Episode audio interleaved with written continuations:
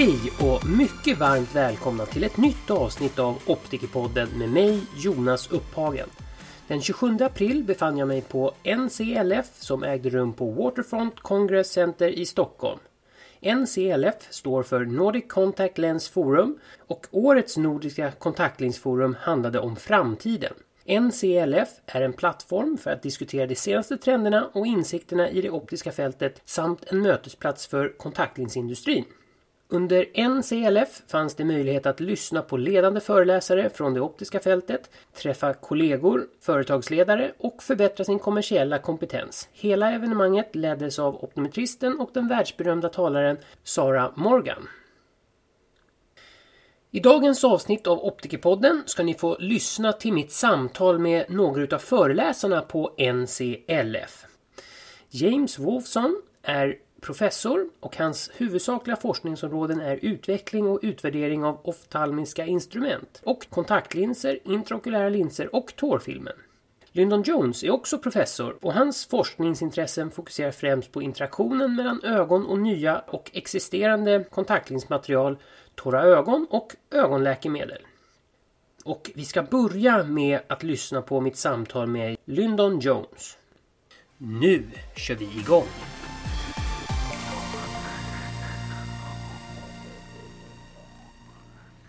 So, uh, Lyndon Jones, hello and welcome to Optikerpodden, or in English, the Optometrist Podcast. I'm very glad that you are here and taking your time and talking to me. Thank you for the opportunity.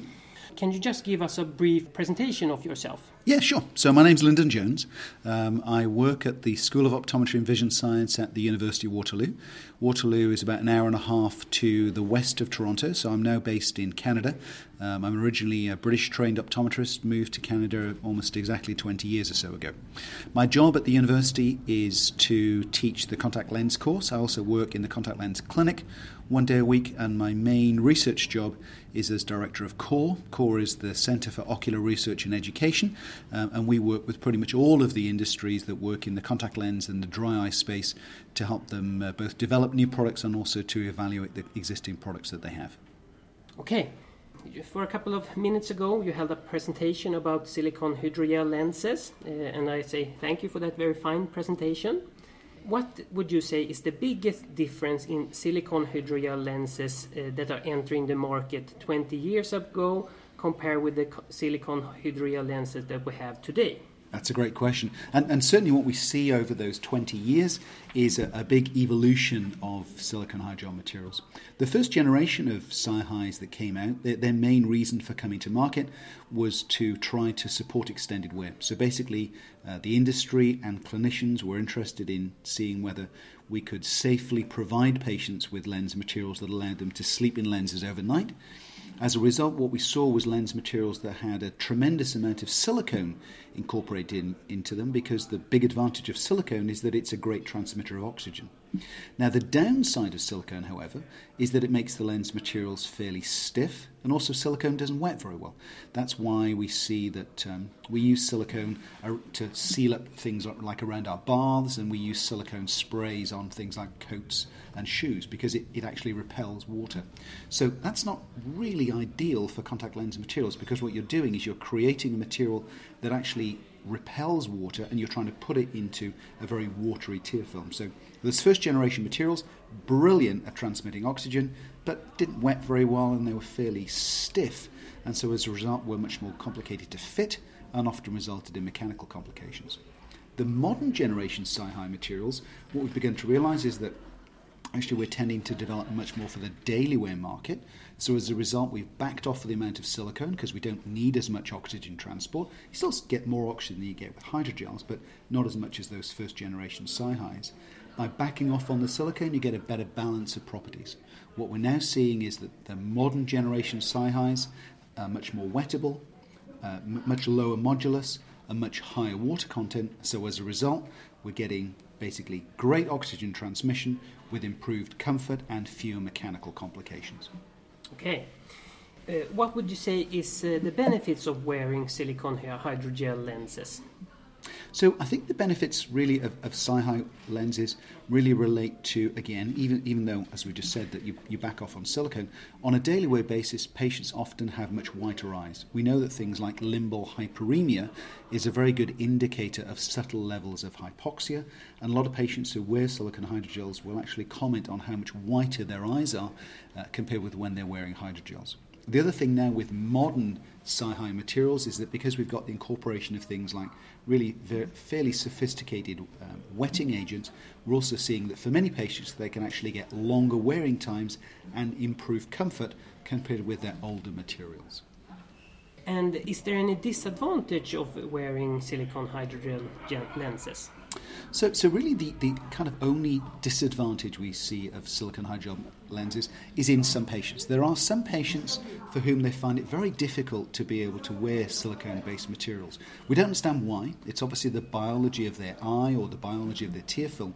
But sometimes you take a patient from their hydrogel lens, you refit them into a SiHy, and they're just not able to get good comfort. They're not able to get good vision you switch them back into a hydrogel, and they're perfectly happy again. Now, say it, it is relatively rare, but we do see some of these patients say we don't understand it, um, but certainly if that were to happen, then I would recommend that practitioners just go back to uh, to hydrogel lens. And I think for that reason, we're always actually going to see hydrogel lenses being on the market. You know, hydrogel lenses get a, get a bad name, but actually for some patients, they actually work very well um, patients who are just not as comfortable in SiHy as they are in hydrogels. And so practitioners will often say, hey, I think this patient's got a silicone allergy. Um, now, actually, that's biologically impossible. Your, your, your, eye can't respond to silicone in an allergic reaction, so, so that's, not, uh, that's not true. But it's this incompatibility of silicone based materials with certain patients' tear films and ocular surface that sometimes causes this. this say, it's really very, very rare these days, a very small number of patients.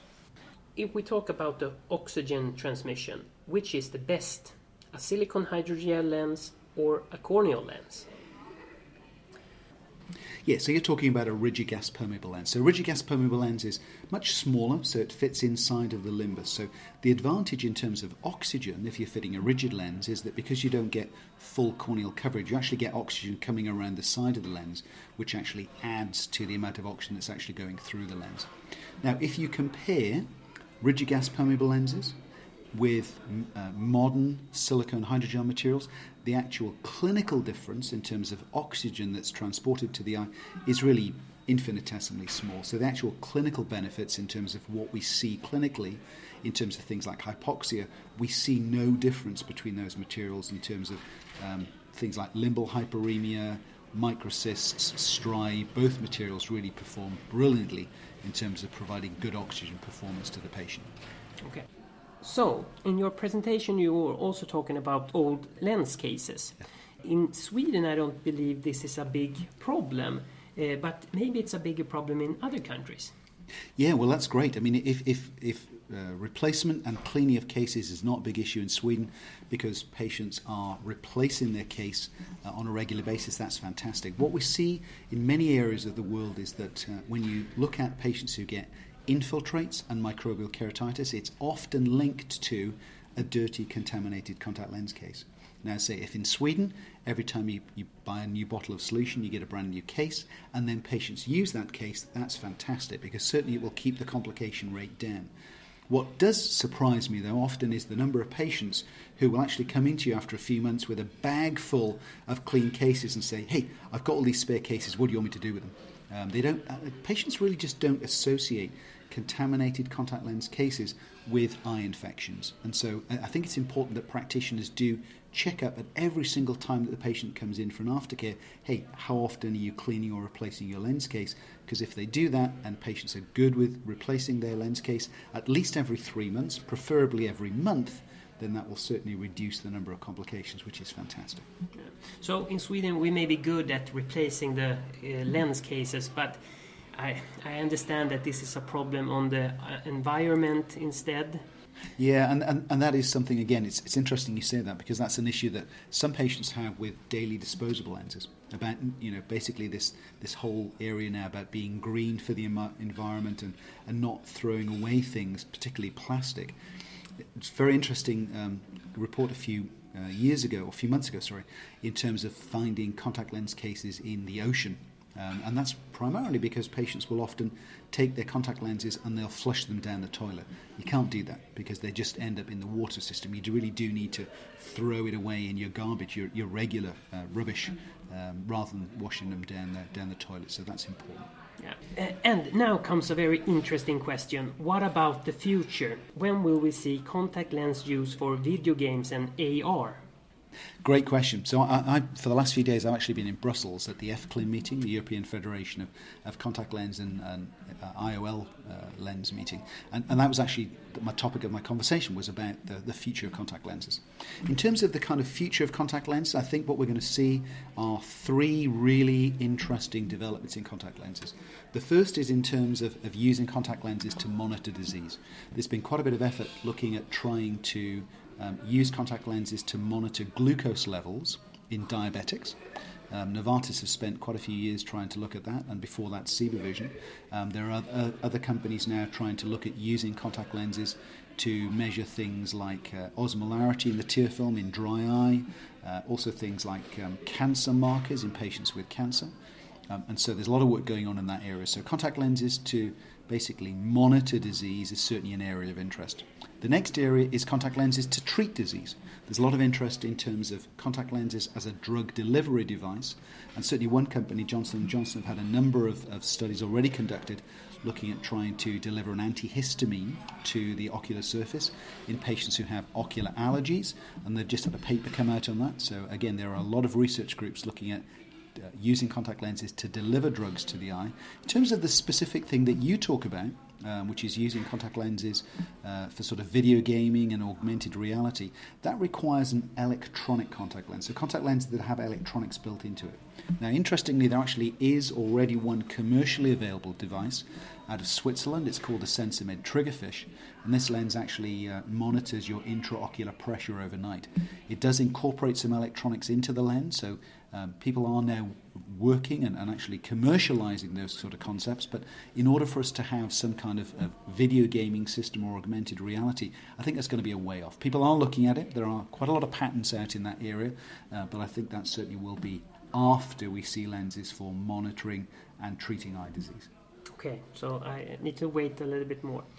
What would you say is the biggest difference in speaking in front of a Swedish audience or a Nordic audience compared with other countries?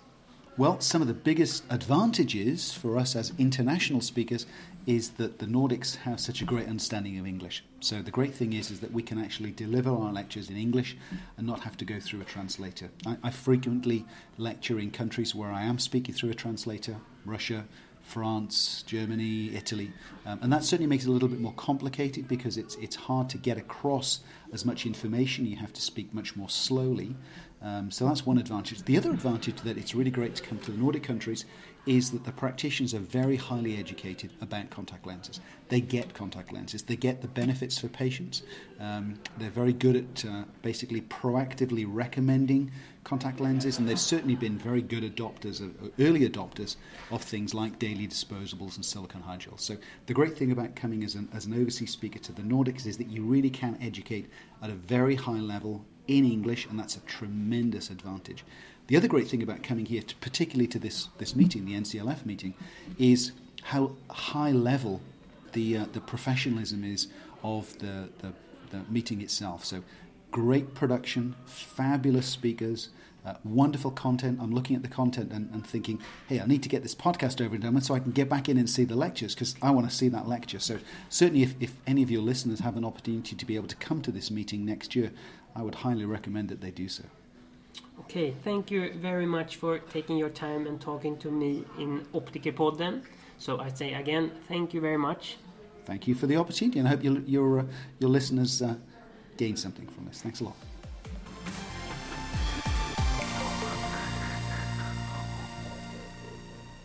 Hello and welcome to Optikerpodden, or in English, the Optometrist podcast. I'm very glad that you took your time to have a small talk with me. My pleasure. Maybe some listeners don't know who you are, so can we just start with a short presentation of you? Sure. My name is James Wolffsohn. I'm based in Birmingham in the UK, which is the, the second city of the UK, and I'm an Associate Pro Vice Chancellor at Aston University, but my background is as an optometrist. Okay.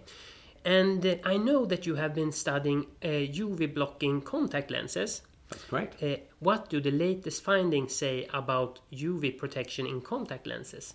So, we've just done a very big study involving five different countries across the world, looking at the difference between people who have worn UV blocking contact lenses compared to those with minimal UV blocking for at least the past five years.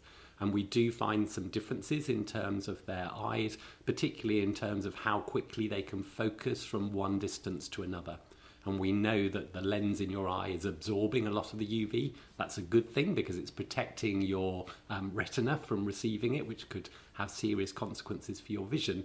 But of course, it is damaging then the proteins of your lens. So, this is the first study to start to indicate that there are some real benefits of putting UV protection in contact lenses. And one of the advantage of contact lenses over spectacle lenses is the light is not going to get around the side of them. They're on the ocular surface all the time. Is there any new interesting facts to report about uh, from the field of intraocular lenses? When will we see accommodating IOLs? That's a, a very good question. Yes, uh, intraocular lenses is something I've been working on for over a decade now. Um, and we have some very interesting new designs, particularly things like trifocal diffractive optics, so much more advanced than we get in, in contact lenses at the current time. Accommodation is an interesting one. So my PhD was in accommodation many years ago, and um, I went into other areas because I thought that there wasn't going to be good funding in in accommodation. Um, and then just over a decade ago, we got the first accommodating lenses. We did a lot of research for them, but we really showed they weren't accommodating in the way that people wanted them to. And things had gone rather quiet. But I would say in the last year and a half, suddenly there's been an uptake again in accommodating intraocular lenses. So we're working on several different solutions, which are more attractive because they are shape changing. So instead of trying to get the optics to move in the eye where you can get a maximum of about one and a half diopters of benefit, shape changing is much more aligned with what the natural lens does. So if we can really get lenses that can change the curvature, front and back curvature of the lens in the eye from the push of the ciliary uh, muscle, then actually we could really restore proper accommodation. Um, and so there are some first in man studies going on um, and a big purchase of a, a, company by one of the big um, uh, pharmaceutical companies which could make a real difference in this space. Okay. When in time do you believe th- this will be? Is it like 10 years or 20 years? I think we could see some changes, uh, some products available probably within five years, uh, I imagine, because one of these companies has quite a long history already and it's now been bought by a company with a lot more money to invest in it, uh, others perhaps into the longer term. Um, and again, it's not going to be something that we get spot on right with the first lens, but actually restoring any eye focus would be a real benefit for patients. Okay. Uh, do you have any thoughts about if an IOL should be yellow or clear? Ah, another good question about uh, intraocular lenses and again whether they should have blue blocking. Um, the current thinking around blue light is there is certainly blue light that is damaging in terms of uh, getting through to uh, the retina and also light scatter, um, but there's also blue light which is good in terms of things like our circadian rhythms. So I think blocking some blue, some of the lower wavelengths up to about 450 nanometers probably is the right thing to do. We don't seem to get a lot of benefit from that, and there are some potential downsides. Above that level, we certainly want to keep. So I think there's become a, more of an understanding now in the companies involved that actually it's targeting what blue light you block. Um, so we probably don't want lenses that are bright yellow because then they're blocking too much of the blue, um, but blocking some of that element, particularly as we get older, is probably quite important. Okay, uh, interesting to hear. Uh, now I know that on your uh, presentation later on today you will talk about multifocal contact lenses. When should multifocal contact lenses be considered for a patient or a customer? So, in terms of multifocal contact lenses, actually, I think that, uh, like shoes, really, you have different shoes for different environments, whether you're indoors or outdoors, you want to be comfortable, you want something rugged, and I think it's the same for visual corrections. So, I think actually everyone really should consider multifocal contact lenses as an option in terms of their patients because it gives them some freedoms that they don't have when they have spectacle lenses. In terms of making them work, it's reasonably complex in terms of it's not just fitting them, but it's personalizing them to that individual. But that's no different to spectacle lenses. Again, people have that time to get used to them. Different designs work for different people. And as someone who's just really become presbyopic and still a little bit in denial, you start to see the complexity of, of trying to restore natural vision at all different distances. I think multifocal contact lenses have a real place to, to play in that. But again, it's about the practitioner working with the individual. It's not going to be done very easily in just one visit, send them away. It is that relationship you'll develop with, with them because this is a journey from having really good accommodation to the point that they will struggle at different distances. Okay. Is there any customer or patients that you think uh, should not, definitely not use uh, multifocal contact lenses? I think it's definitely harder if you've got someone like myself who's an emmetrope, so I'm not used to wearing a correction. Suddenly you're trying to give me a correction for near, but at the same time, then obviously I have to have something for, for distance. And I think it's obviously more challenging for people who haven't worn lenses before for their first sort of uh, visual correction with contact lenses to be one that's a more complex optical solution. But again, that talks to how we prepare our patients for the future and working in intraocular lenses as well, one of the real challenges we have with intraocular lenses is it's a one off solution. It's very difficult to exchange lenses. It can be done, but there are significant risks with it. So, again, the patient that's been prepared beforehand, and we know that a certain type of multifocality or monovision or modified monovision works with that patient, we can fit them with intraocular lenses to give them those benefits with a much more, uh, which a much higher level of certainty than we could if they haven't tried those options before. So, again, it's really useful that those patients follow that journey through and, and it's optimized really in the stages that presbyopia is developing. So when it gets to cataracts, and we all have cataracts if we live long enough, that actually we can uh, put that perfect solution into their eyes. Uh, what would you say is the main challenge for making multifocal lenses more widely available? I think in terms of contact lenses, it is the variability in lenses. We have lots of different manufacturers producing the lenses, but actually the pattern on them in terms of the optics is fairly similar. And you've got to remember that the lens, the complex optics that the company has created, is then combined with the very complex optics of your own eye. So, really, what I would be looking for is much uh, a greater differentiation between the offerings. So, center distance, center near, diffractive, segmented, all of the things that we see in intraocular lenses, which allow surgeons to mix and match and optimize it for the patient. In contact lenses, still most lenses perform fairly similarly. Um, we have some good lenses on the market, but again, to really be able to personalize them to get the most out for an individual patient, we need some really quite different designs. What's your opinion? Is it a good idea to try multifocal contact lenses before you do an operation, or is it um, uh, is it a bad idea to try that? I can't see any issues with trying lenses before you uh, have an intraocular lens. And the problem with, with an intraocular lens, because you can't take it out, you really want to try and optimize what's going to work for that patient beforehand. So I really encourage patients to um, actually engage and to try some options for themselves beforehand. So when they're committing to having a particular type of lens in it, there's a level of certainty that that might work. So I think that there's a real role to sort of join up contact lenses and intraocular lenses in terms of that patient journey through their 50s and 60s and even 70s. So they start to find what's optimum for them that they can have then in an intraocular lens. Now, of course, the optics aren't perfectly matched and there's no identical design and you're putting it in a slightly different place, but at least you have some confidence in the, in the way we split light, for example, uh, and some of the um, effects that we create in terms of a slightly lower contrast and, and maybe some glare as well, whether that particular patient will cope with it. And that would really help uh, with intraocular lenses, where we still have many surgeons who are very cautious about what they fit because they're worried about the effects. And of course, it's very complicated if they get it wrong for a patient. So, if we can do that trial beforehand as we can do so well in contact lenses, that should really help in terms of people having the optimum vision correction right up into their um, 90s and beyond. Okay.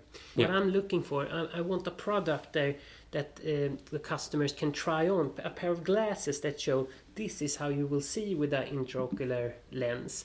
But it seems like it's difficult to find a product like that. Yeah, there are now some adaptive optic systems that you can buy, so commercial adaptive optic systems which can simulate different profiles, for example, of intraocular lenses. Now, obviously, they're only worn for a short period of time, people aren't adapting to them, um, so it's not the, the sort of perfect system, but they've been designed specifically to try and allow patients um, to, to simulate what it might be like to have a particular optical design in front of your eyes. So people are moving, they understand that issue, and are trying to, to um, create ways that we might be able to simulate vision through different corrections in the future. Okay, yeah, I need to look that up. Now comes a very interesting question. Uh, now we will talk a little bit about the future. What type of lenses do uh, do you think that we will see in the future? Um, so I think we will see uh, accommodating lenses, possibly not with contact lenses, although people are trying to make uh, contact lenses uh, accommodate. I certainly think that we will have much more sensor technology in our contact lenses. We can already put channels, for example, in contact lenses where we can start to sense the ions in your tear film. Um, so we could have contact lenses that, for example, change colour if you've got more of a dry eye, and we can read that with a, a smartphone type technology. Um, and um, I think we'll have more combination of treatments. People are already working on pharmaceuticals, for example, for presbyopia. So you combine reducing slightly your presbyopia with a drug with um, maybe a contact lens that has to have less complex optics so we don't get some of the downsides. Again, could be a really good visual correction for people. Okay.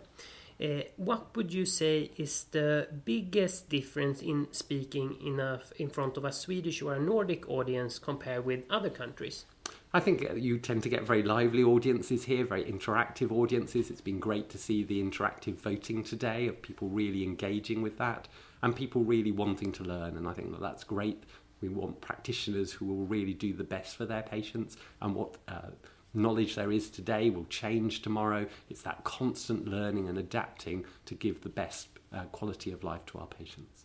Uh, then I just say thank you very much for taking your time and uh, meeting me here in Optikerpodden. My pleasure. It's been a real nice conversation. Yeah, thank you very much. And um, again, I'm very glad that you took your time. Pleasure. Mm, thank you.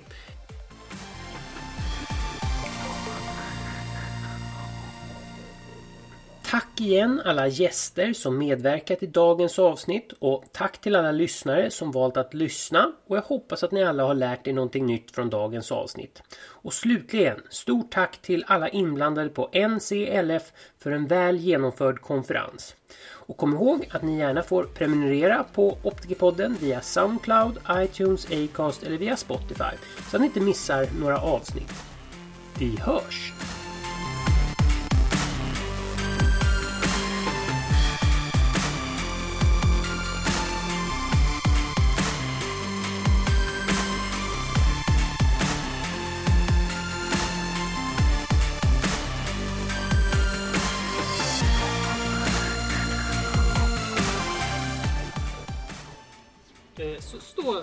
Sidan och så ser du att min, min röst spelar in och, och så säger du någonting.